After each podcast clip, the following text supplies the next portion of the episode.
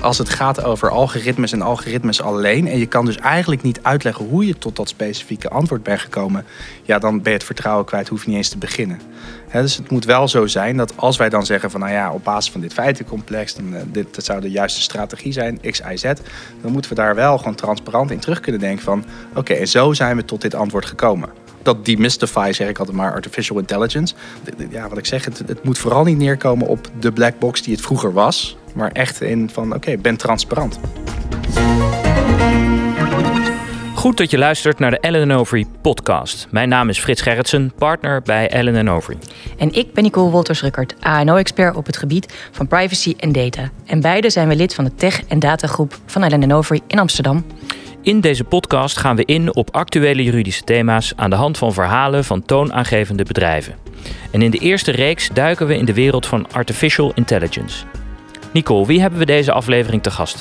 In deze aflevering gaan we het gesprek aan met Rogier Krijgsman, Vice President Product Engineering bij Wolters Kluwer. Wolters Kluwer is voor ons als juristen natuurlijk een heel bekende partij, omdat zij Navigator leveren.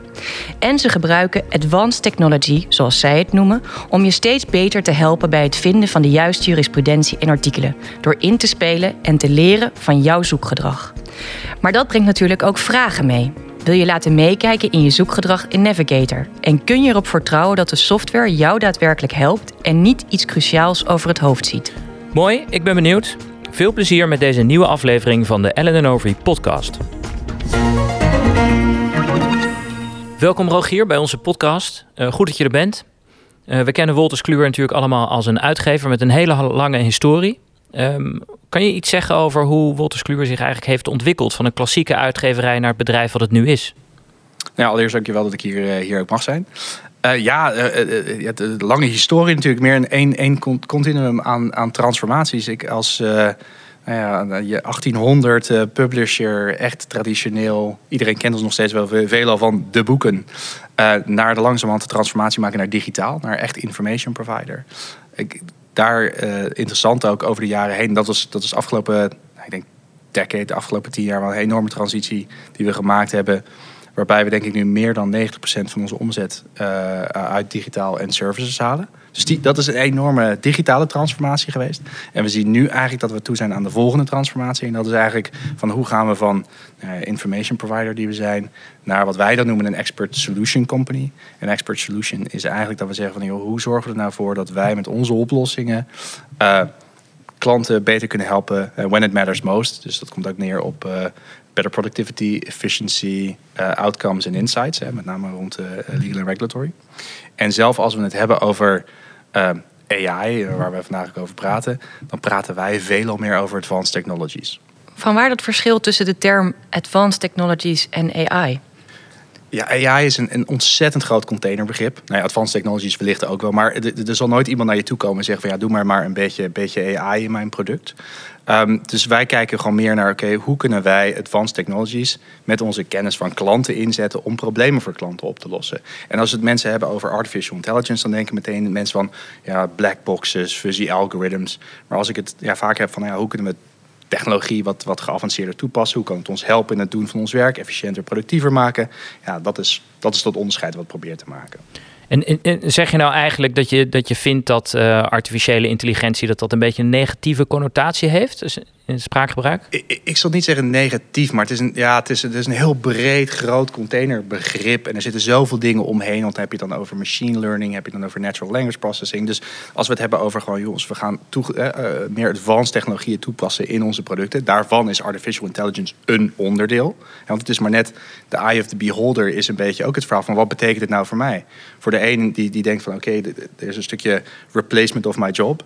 En de ander zegt van ja, ik zie het als een augmentation. hey, uh, we kunnen dingen automatiseren, die, de standaard taken die ik normaal niet meer hoef te doen. En dan kan ik me juist weer gaan richten op uh, de belangrijkere zaken of meer waardevolle dingen voor mijn klanten. Dus ja.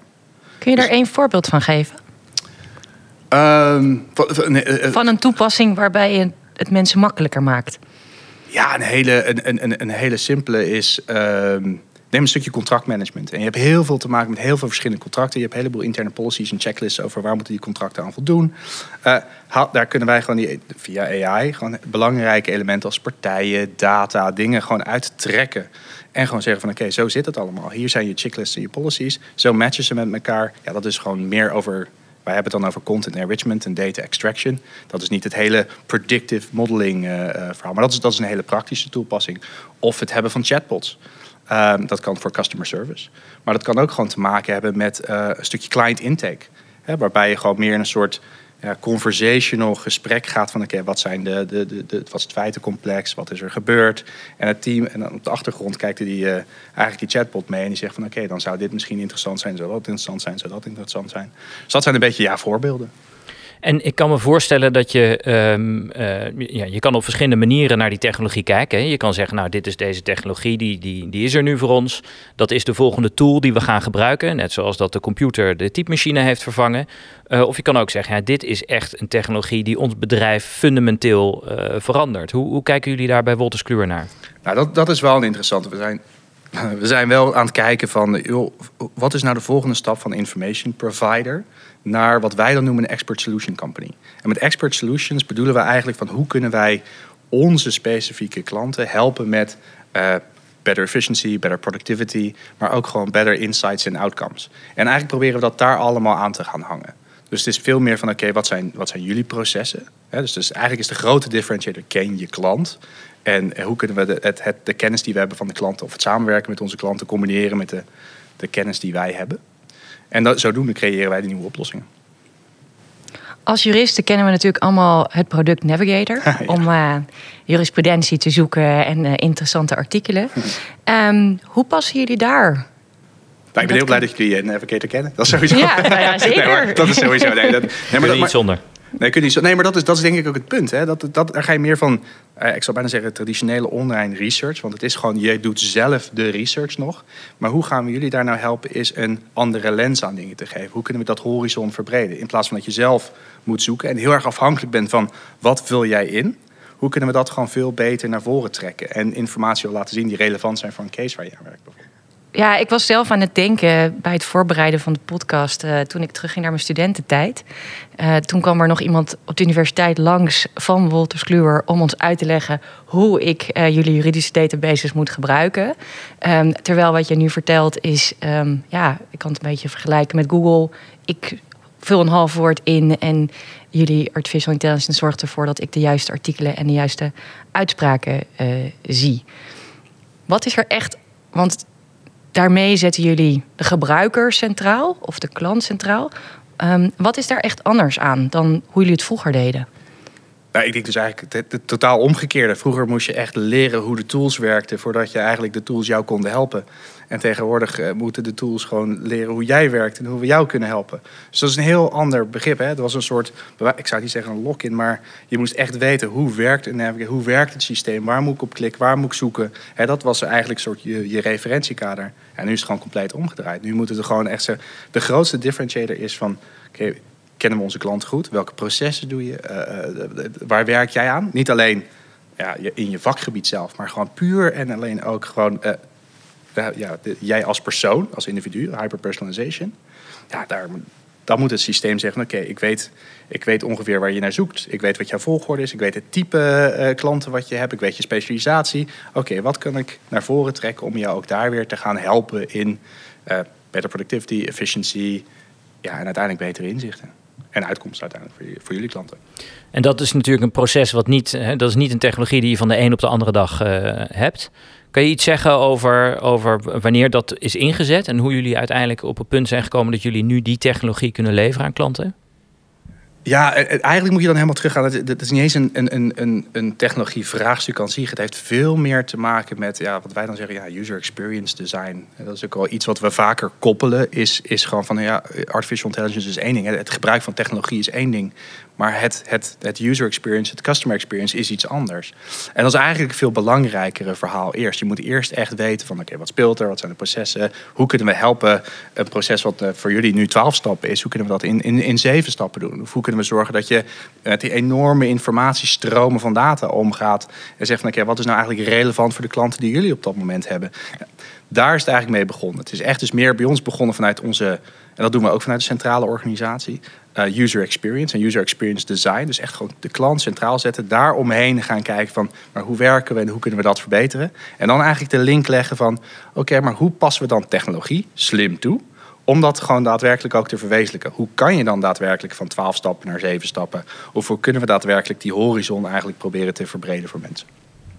En dat betekent dus eigenlijk dat je uh, heel erg met je klanten meekijkt. Maar tegelijkertijd, ik ben nog even benieuwd naar het kijkje onder de motorkap. Want wat, wat gebeurt er nou binnen je onderneming? Hebben jullie, hebben jullie zelf de mensen aangenomen die die algoritmes hebben gemaakt? Of hebben jullie die ingekocht? Of, of hoe moet nou, ik denk dat dit een van de eh, wellicht interessante dingen is. Nou ja, mijn, mijn groep, Digital Experience Group binnen, binnen is een centrale technologieorganisatie.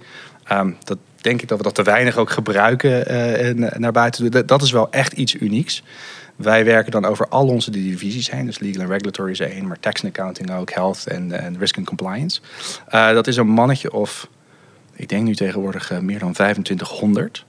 Uh, echt, echt aan tech-mensen, mhm. UX-mensen, echt specialisten op hun vakgebied. Daar zit ook weer een groepering in. Uh, wat ik zei, daar zit User Experience Center in. Er zit een tweede Center of Excellence in, dat noemen we Advanced Technologies en AI. Daar zit Advanced Platform Services in. Dus het is echt een, een, een centrale uh, ja, tech-groep die we hebben met daarin specialisten, gekoppeld met UX'ers. En die laten we eigenlijk, nou, ik zal niet zeggen laten we los op onze businesses, maar die werken dan samen met wat wij dan noemen onze verticals, de legal and regulatory, de tax en accounting, mhm. om dan te zeggen, oké, maar hoe passen we dat dan toe op jullie domein, op ja, jullie vakgebied?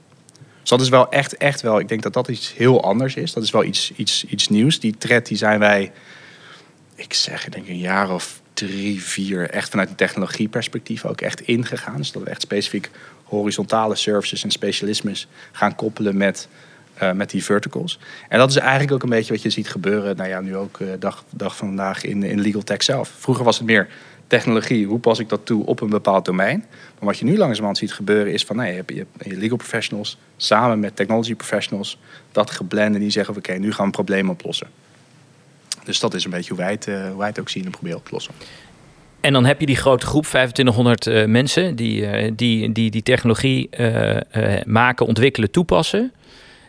Hoe zorg je er nou voor dat je steeds zeg maar, aangesloten blijft op de nieuwste ontwikkeling? En dat je voor je klanten ook die, die, dat nieuwe cutting edge net stukje technologie kan, kan aanbieden? Ja, dan kom je ook weer terug van wat voor de een cutting edge technologie is, is voor de ander uh, uh, ja, uh, gesneden brood. En ik denk dat dat ook wel lastig is. En ik denk dat, nou ja, neem, neem de, de, corona als een mooi voorbeeld. Ik, ik, zei het net in het, in het voorafgesprek al. ik denk dat we zeven jaar ongeveer in, in, in twee jaar tijd vooruit zijn gegaan over denken. Maar dat betekent dat heel, het, hele simpele, het, het, ehm, het geven van een antwoord in plaats van dat je moet zoeken, is voor de ene al, oh, dat is enorm novel. Terwijl voor de ander die zegt van ja, maar hoe kan ik veel meer krijgen uit predictive analytics? Dus het is ja, technologie. We hebben natuurlijk groepen uh, die, die echt dedicated zijn rond uh, nieuwe technologie trends. Die houden we ook allemaal intern bij. Uh, we zijn ook vooral aan het kijken naar, maar hoe, hoe kan het onze klanten weer vanzelf helpen? Maar uiteindelijk gaat het erom, ja, kom je weer terug, klantcentraal. Wat zijn jullie processen? Waar voelen onze klanten zich ook vooral comfortabel bij? Wat ik zeg, de, de, de, de een versus de ander. En dat kan op vakgebied anders zijn. Dat kan op domein anders zijn. Ik, ja, ook weer health versus legal en regulatory. Daar zit een heel erg groot verschil. Wat wel interessant is wellicht, is als je daaruit een stap terugzet. En kijkt maar, maar wat proberen we nou eigenlijk op te lossen in dingen rond tax en accounting. En hoe verhoudt zich dat rond legal en regulatory? Dan zie je best wel veel parallellen. Um, oh, ik zal misschien een voorbeeld geven pak is uh, nou, nou, gewoon de hoeveelheid informatie. Uh, gewoon eigenlijk legal monitoring. En de, hoeveelheid informatie op jullie afkomt. En hoe zorgen we er nou voor dat dat gewoon relevant wordt voor de klanten die jij hebt misschien en die in jouw portfolio vallen? Nou, dat halen wij er dus gewoon uit. Bij tax en accounting is dat precies hetzelfde. Het is gewoon accountants die willen ook weten van hey, welke nieuwe wet en regelgeving komen daar vanuit? Wat is voor mijn toepassing voor mijn klanten? Hoe kan ik dat weer, hoe kan ik hun wellicht uh, informeren actief door gewoon te zorgen van oké jongens, uh, misschien moeten we hier naar kijken, daar naar kijken. Hey, dit gaat er voor jullie veranderen, dit is relevant. Ja, dat is eigenlijk een parallel die je met legal ook ziet. Ja. Je hebt het net over het bedienen van een zeer bekende groep voor Frits en mezelf, namelijk advocaten en juristen. ja, okay, ja. wat is hoe, wat is in jullie beleving hun vertrouwen in de technologie, in AI? Want wij staan hier wel, dus wij hebben het wel. Maar ehm, eh, wat zie je in onze gemeenschap? Nou, daar komt, het, daar komt het ook door. Het gaat, gaat gewoon echt over vertrouwen. Het gaat over ehm, het is niet meer de black box. Of het moet absoluut geen black box zijn. Als het, als het gaat over algoritmes en algoritmes alleen. En je kan dus eigenlijk niet uitleggen hoe je tot dat specifieke antwoord bent gekomen. Ja, dan ben je het vertrouwen kwijt. Hoef je niet eens te beginnen. dus het moet wel zo zijn dat als wij dan zeggen van nou ja, op basis van dit feitencomplex, dan uh, dit dat zou de juiste strategie zijn, X, Y, Z. Dan moeten we daar wel gewoon transparant in terug kunnen denken van oké, en zo zijn we tot dit antwoord gekomen dat geeft denk ik, nou ja, jullie het vertrouwen. Dat demystifies ook, zeg ik altijd maar, artificial intelligence. Want daarmee laat je gewoon eigenlijk zien, het is niks anders dan, ja, wij helpen jullie door informatie heen te gaan, door keuzes die er gemaakt worden uh, in het feitencomplex, dat naar voren te trekken. Ja, het is, uh, ja, wat ik zeg, het, het, moet vooral niet neerkomen op de black box die het vroeger was, maar echt in mhm. van, oké, ben transparant. Er is een hoop te doen over uh, transparantie in combinatie met artificial intelligence. Daar is ook uh, op Europees niveau nu een nieuwe regelgeving over voorgesteld. Um, ik kan me voorstellen dat dat ook wel een beetje schuurt, hè, transparantie. Want de concurrenten kijken misschien ook mee als je al te transparant wordt. Dus hoe moet ik, hoe moet ik transparantie van, van dat soort technologie zien eigenlijk?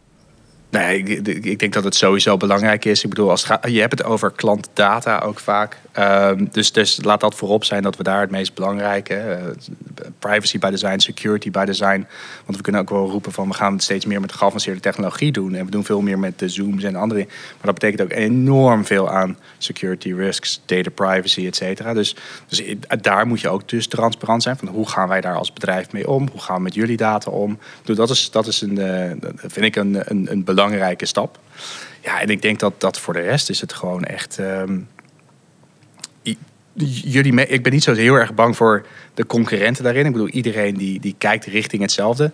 Ja, de grootste differentiator is niet hoeveel features die je in een product stopt. Het is gewoon meer van, oké, kunnen wij jullie als klant meer waarde geven dan onze, dan onze concurrenten uit onze producten? En dat komt gewoon eigenlijk neer op, kennen wij, ken je klant beter? Want als, als wij zeggen van, nou, we kunnen jullie...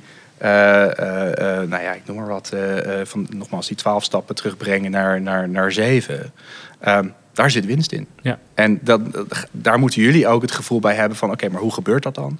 Hoe relevant is dat voor mij? Helpt dat me daadwerkelijk als bedrijf? Mhm. Ja, en op basis daarvan maken jullie het. Uiteindelijk is, is, is de klant dus de beslisser.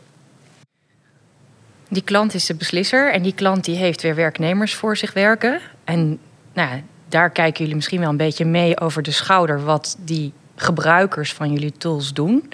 Um, hoe waarborg je hun privacy? Hoe vertel je hun, we doen het goed? En uh, hoe ga je ook in het aanloopproces, als je uh, in jouw groep AI-technologie gaat ontwikkelen, zorg je dat steeds die privacy is verankerd?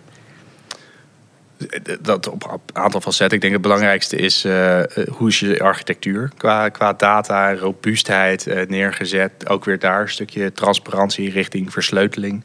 Um, dus dat is één, is je foundational capabilities. Twee is gewoon in de mensen zelf. Uh, alle ontwikkelaars bij ons die, die, die um, hebben trainingen ook in privacy, in security. Dat is één ding. Dus dat zegt dat mensen die daadwerkelijk die, die, aan het kloppen zijn. Daarnaast hebben we natuurlijk een aantal COE's uh, die zich echt bezighouden met oké, privacy. Oké, zijn jullie compliant? Wat voor uh, wet en regelgeving past dat op jezelf ook toe? Um, nogmaals, het gaat om het vertrouwen krijgen van onze klanten met die data. Dus dat betekent dat we juist voorzichtig moeten zijn rond die data. Dus dat is, dat is echt wel een interne, uh, uh, ja, ik zal niet zeggen belangengroep. Het is, het is een wezenlijk onderdeel van onze, onze organisatie. Maar dat, dat is, ja, we leven soms wel op een gespannen voet. Want je wil graag meer doen voor die klanten. En je wil graag zeggen, maar, als ik nou dit en als ik nou dat ook weet. Oké, maar soms moet je wel zeggen, oké, maar hoe, hoe, hoe garanderen we dan nog die anonimiteit? Of hoe gaan we ervoor zorgen dat daadwerkelijk, nou ja, in dit geval Allen en Overy, niet bij data kan van, van anderen of, of, of vice versa? Want dat, dat speelt ook. Ik heb daar nog wel een vervolgvraag over. Want in de AI-act, waar Frits het net eventjes over had, wordt er een onderscheid gemaakt tussen het gebruik van de training- en testdata. En uiteindelijk de daadwerkelijke toepassing van de AI op gebruikers. Um, hebben jullie dat? Hè? Want je zit natuurlijk op best wel veel data. Hoe kijken jullie daar tegenaan, tegen dat nieuwe initiatief van het onderscheid maken tussen? Nou, ik denk dat dat goed is. Uh, ja, ik, ik, denk dat dat gewoon een hele sterk is. Tuurlijk, um, met, met trainingsdata, dat heb je altijd nodig. Wat, heel, wat ik zelf een hele interessante vind, is je wordt als het ware de evoluties die we door zijn gegaan als Wolters Kluwer, uh, van een publisher, echt van het uh, creëren naar informatieprovider, worden we nu langzamerhand ook weer teruggeduwd richting content subject matter expertise. Dus met andere woorden, ook onze eigen mensen die, die, die creëren die trainingssets, die werken daarin mee. En dan zie je van, hé, hey, daar moeten we daar moeten we dus ook in schalen. We, gaan heel gauw neigen we altijd naar de, naar de advanced technologiekant. Van hoe ga je daar technologisch mee om? Maar het gaat bij ons zelf ook heel veel om de vakinhoudelijke mensen. En die werken daadwerkelijk zelf ook mee aan de trainingssets. Uh, of, of ook aan de, de, de, de, productie uh, content set natuurlijk. Um, maar ook het, simpelweg het waarborgen van wie heeft er toegang tot die data en wie niet. Waar gebruik je het voor, wie niet. Blijft dat bijvoorbeeld in Duitsland? Blijft het binnen Duitsland? Nederland blijft het binnen Nederland? Allemaal dat soort dingen moeten gewaarborgd blijven. Dus en jullie houden dat dus goed in de gaten. Hè? Je zegt net zelf dat, je daar, uh, dat jullie daar goed naar kijken. Is er, zit er nou iets in die regelgeving? Ligt er iets op de loer waarvan je denkt van... nou, dat is toch eigenlijk niet de, de kant waar het op zou moeten gaan? Poeh, dat is een goeie. Um, de, ja, de tijd zal het leren. Dat is, we zullen er vast tegenaan lopen. Uh, maar wij zeggen nou, hè, als dat... Kijk, het, het, is natuurlijk altijd wel een stukje um, spanning... als het gaat om uh, het, het, het willen maximaliseren van klantwaarde. En tegelijkertijd dan zorgen van, nee, maar oké jongens, maar hoe gaan we dan, als ik dit en dat nou kan doen, dan kunnen we zoveel meer. Maar moet je dat dan wel doen? dus je moet ook vooral de verantwoordelijkheid nemen voor de dingen die je ook zegt van, nou, oké, dit gaan we absoluut niet doen, want, en jongens, het is misschien heel aantrekkelijk om dit soort dingen te gaan doen, maar.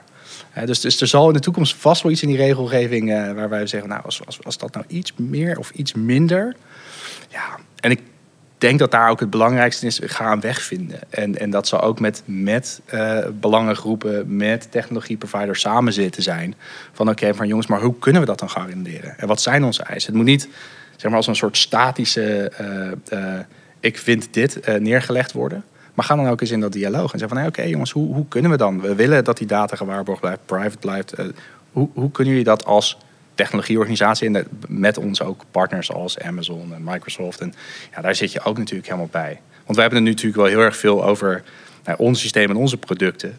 Maar wat je ook heel veel ziet en steeds meer ziet eigenlijk, is hoe, um, hoe gaan onze producten in jullie ecosystemen leven. Dus, dus met andere woorden wordt het straks ook weer meer van oké, uh, hoe gaan wij waarde bieden over jullie systemen? En hoe ga je dan weer met data-issues om. Of met hey, deze gebruikers. Eh, ook, ook bijvoorbeeld daar als wij integreren met externe partijen of met onze klanten. Laten we dat liever allemaal authenticeren tegen de klantsysteem aan. Niet bij ons. Jullie zijn, anders zouden wij moeten gaan bijhouden. Wie komt er, wie gaat er, wie heeft welke rechten. Nee, liever jullie systemen daarvoor gebruiken. Maar dat, dat is wel een complexiteit waar we in de toekomst over na moeten denken. Klinkt allemaal leuk. Van jongens, we kunnen over systemen heen gaan. Deliver, wij noemen dan deliver value where work happens. Maar dat betekent ook dat al die systemen die gekoppeld zijn, ja, daar moet je wel met elkaar uh, over gaan praten. Ik zit tegelijkertijd aan iets te denken. Aan meteen aan de AI Act. En uh, er zit een uitzondering voor high-risk AI voor uh, rechterlijke uitspraken. Als rechters AI willen gaan toepassen en ze geautomatiseerd uitspraken zouden gaan formuleren, dan is dat een verboden AI-toepassing. Leveren jullie jullie producten ook aan onze rechtbanken en hoven en anderen? Dat zal ook verschillen per land. Laat, laat, ik het gewoon eventjes dan maar zo uh, genuanceerd zeggen. Um, maar dan moet je, dat, zijn, dat zijn wel echt de dingen waar je ook daar op moet letten. Hè? Ik bedoel, het, het is ook vooral... Um, ja, ik, ik, ook daar praten wij liever dan over augmented intelligence. Laat ik dat er maar eens in gooien als term. En wat is dan het verschil? Wat is dan het verschil tussen de is, augmented is, is, is het feit dat je nog steeds een, een, een, een human expert blijft gebruiken over de interpretatie van de uitkomst van het systeem. dus, dus het is niet maar ik ga zomaar uh, die black box en het algoritme zegt X. Nou, dan neem ik dat maar over, neem ik dat voor lief. Je wil die laatste stap nog steeds doen. dus dat komt ook weer een beetje terug op het vertrouwen, die transparantie. Hoe ben je tot dat antwoord gekomen? Dat, daar moet ik zelf eigenlijk ook achter. Eh, daar, daar wil ik zelf mee kunnen. Nou, ik zal niet zeggen kunnen spelen, misschien wel kunnen spelen. Ik wil verschillende scenario's maken. Mhm. En als dat helpt om een betere uitkomst te krijgen, prima. Maar je moet niet blind vertrouwen op die systemen. En dat, dat is misschien ook wel een ander puntje daar rond kunstmatige intelligentie. En met name rond predictive modeling of predictive analytics. Dat iedereen zegt van, oh, ik wil voor die 90% accuracy of die 95% accuracy gaan. Maar ik denk als ik dat aan jullie vraag, dat jullie zoiets hebben van nou, ik heb liever dat jullie mijn lens vergroten. en mhm. dat ik meer inclusief kan zijn. Mm, Want ik wil liever zelf toch wel kijken van welke stappen hebben jullie gezet? Hoe ben je tot het antwoord gekomen? Ben ik het daarmee eens? Is dat relevant voor mijn specifieke zaak? Want daar zitten nog steeds misschien nuanceverschillen Mhm. in die een systeem niet, niet herkent. Ja, dus, dus dat- dat- ja, Ja, en ik denk dat juristen die zoeken, eh spreek ik ook even uit, uit eigen ervaring, dat die hebben ook een bepaalde verwachting over de uitkomst die ze, eh, die ze gaan krijgen of die ze zouden moeten krijgen. Ja. Dus eh, de, de- zeg maar, of ze vertrouwen hebben in die uitkomst hangt ook af van in hoeverre die overeenkomst die overeenkomt met hun verwachtingen. ja, precies. En tegelijkertijd wil je ook voorkomen, wat natuurlijk een hot topic is als je het hebt over algoritmes, is dat je in een soort van inhoudelijke fuik wordt geduwd, waar je niet meer uit terug kan zwemmen. Eh, en dat je beeldvorming dus, hè, dat heb je met eh, natuurlijk eh, de algoritmes op YouTube en eh, samenzweringstheorieën en dat soort dingen. Ja, dat dat, ja, je kan zeggen dat dat door zo'n algoritme een bepaalde kant op wordt geduwd. Dat is, hoe zorg je ervoor dat dat niet gebeurt? Ja, daar, zit sowieso wel een van de, van, de, van, de, van de risico's in waar je altijd op moet letten. Hè? Want bijvoorbeeld tag jij je data goed. Zit er geen bias in? Hè? En, en hoe waarborg je dan dat er geen bias in komt? Ja, dat zijn ook gewoon. De, de, hoe meer data je erin pompt, hoe minder bias je, er, je er- eruit zou kunnen halen. En dan wordt het vaker meer genuanceerd. Het ligt ook weer heel erg aan de training sets die je daar weer voor gebruikt. De knowledge models die je daarvoor gebruikt. Ehm, dus daar, daar zijn we wel ja, constant mee bezig. En ook dat blijft vaak trial and error. We hebben laatst hebben een, een proof of concept gedaan met een, eh, een, ander land. Ehm, en wij dachten van, nou ja, oké jongens, we zijn er wel. Eh, laten we dit nou eens eventjes eh, gezamenlijk doornemen. Wat vinden jullie als, eh, als, als, als vakspecialisten? En die zeiden wij, nee, dit is, dit, nee dit, is, dit is te ver richting een, een, een bepaalde gedachtegoed. Want als je denkt aan X, Y, Z... Oké, hartstikke goed. Dus dat, dat, dat helpt ons ook. Dus ja, co-creatie met klanten, veel samenwerken, heel veel data gebruiken. Het, het, ja, het ook wel weer terugkijken naar de, de, ja, de legacy die we hebben met de content specialisten die we hebben zitten. De content waar we zelf ook op zitten. Want dat is ook wel een hele interessante. Vroeger was dat content vrij, nou, zeg maar plat of eendimensionaal. En nu, door daar weer nieuwe dingen uit te trekken, kan je hele nieuwe in. Wat, wat, je, wat eigenlijk wat jullie doen als, als experts al, elke dag. ehm, proberen we nu gewoon de machine te laten helpen van oké, hoe kunnen we gewoon telkens dat, dat, die horizon voor jou verleggen. Hoeven- als we nu zouden zeggen, dit is het definitieve antwoord, dan is de eerste reactie is waarschijnlijk van ik vertrouw het niet, ik snap het niet, ik wil het niet. Eh, maar als we zeggen van nou ja, joh, eh, dit zijn mogelijke scenario's op basis van deze dingen. Deze keuzes hebben wij gemaakt. Hier zien wij dingen die misschien relevant zijn. Ga daar, Mhm. is, is dit relevant, ja of nee? Dan zeg je, oh ja, nou, misschien heb ik daar niet aan gedacht. En dan, dan, dan zeg je, oké, ik, ga, ik ga dat straatje eens in om te kijken waar we dan komen. Dan kweek je vertrouwen, denk ik. Ja. En dan haal je ook dat, dat fuikgedachte haal je eruit. Ehm, dan natuurlijk eigenlijk ook nog een vraag, althans die mij eh, eh, op de lippen brandt. Hè. En als iemand weet, het, het hier weet, dan ben jij het wel. Wat is nou de next big thing? Ik ben jurist, ik gebruik jullie producten. Wat is de, wat is de, de mooiste technologie die er op de horizon, eh, over de horizon kijkt en, en die op het punt staat om gelanceerd te worden? Ja, waar zit je grootste pijnpunt? Zelf, als jurist. Waar, waar zeg jij nou van, als iemand Ja. dat voor me zou oplossen... dan is dat voor mij de biggest thing. En, en, en het klinkt heel erg gechargeerd natuurlijk, of om een beetje terug te leggen. Maar het is wel zo. Want eh, wat ik aan het begin zei, wat voor jou de next big thing is... wat voor jou echt daadwerkelijk het wezenlijke verschil is in jouw dagelijkse werkzaamheden... is het voor een ander wellicht niet. Ik heb daar wel een vraag over, want eh, ik ben zelf privacyadvocaat. En een van de dingen die echt een ontzettende uitdaging in het vak is, is de snelheid waarmee informatie op ons afkomt. Als we kijken wat er gepubliceerd wordt aan uitspraken, informatie, European Data Protection Board.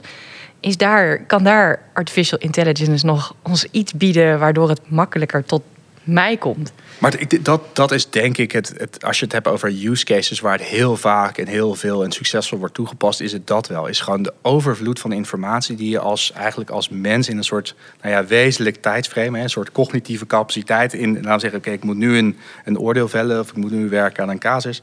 Eh, ik heb er x tijd voor, want we staan ook steeds meer onder tijdsdruk. En we dat zijn de dingen waar, waar echt, echt artificial intelligence, of wat wij dan noemen met advanced technologies, in kunnen helpen. Gewoon nogmaals, hoe pakken we die enorme informatiestromen? Hoe halen we daar relevante dingetjes uit? Ehm, en hoe kunnen we dat in soort hapklare brokken meer inzicht geven van ja, dat hoeft niet te zijn. Hier is het antwoord en we hebben je, we've done your job.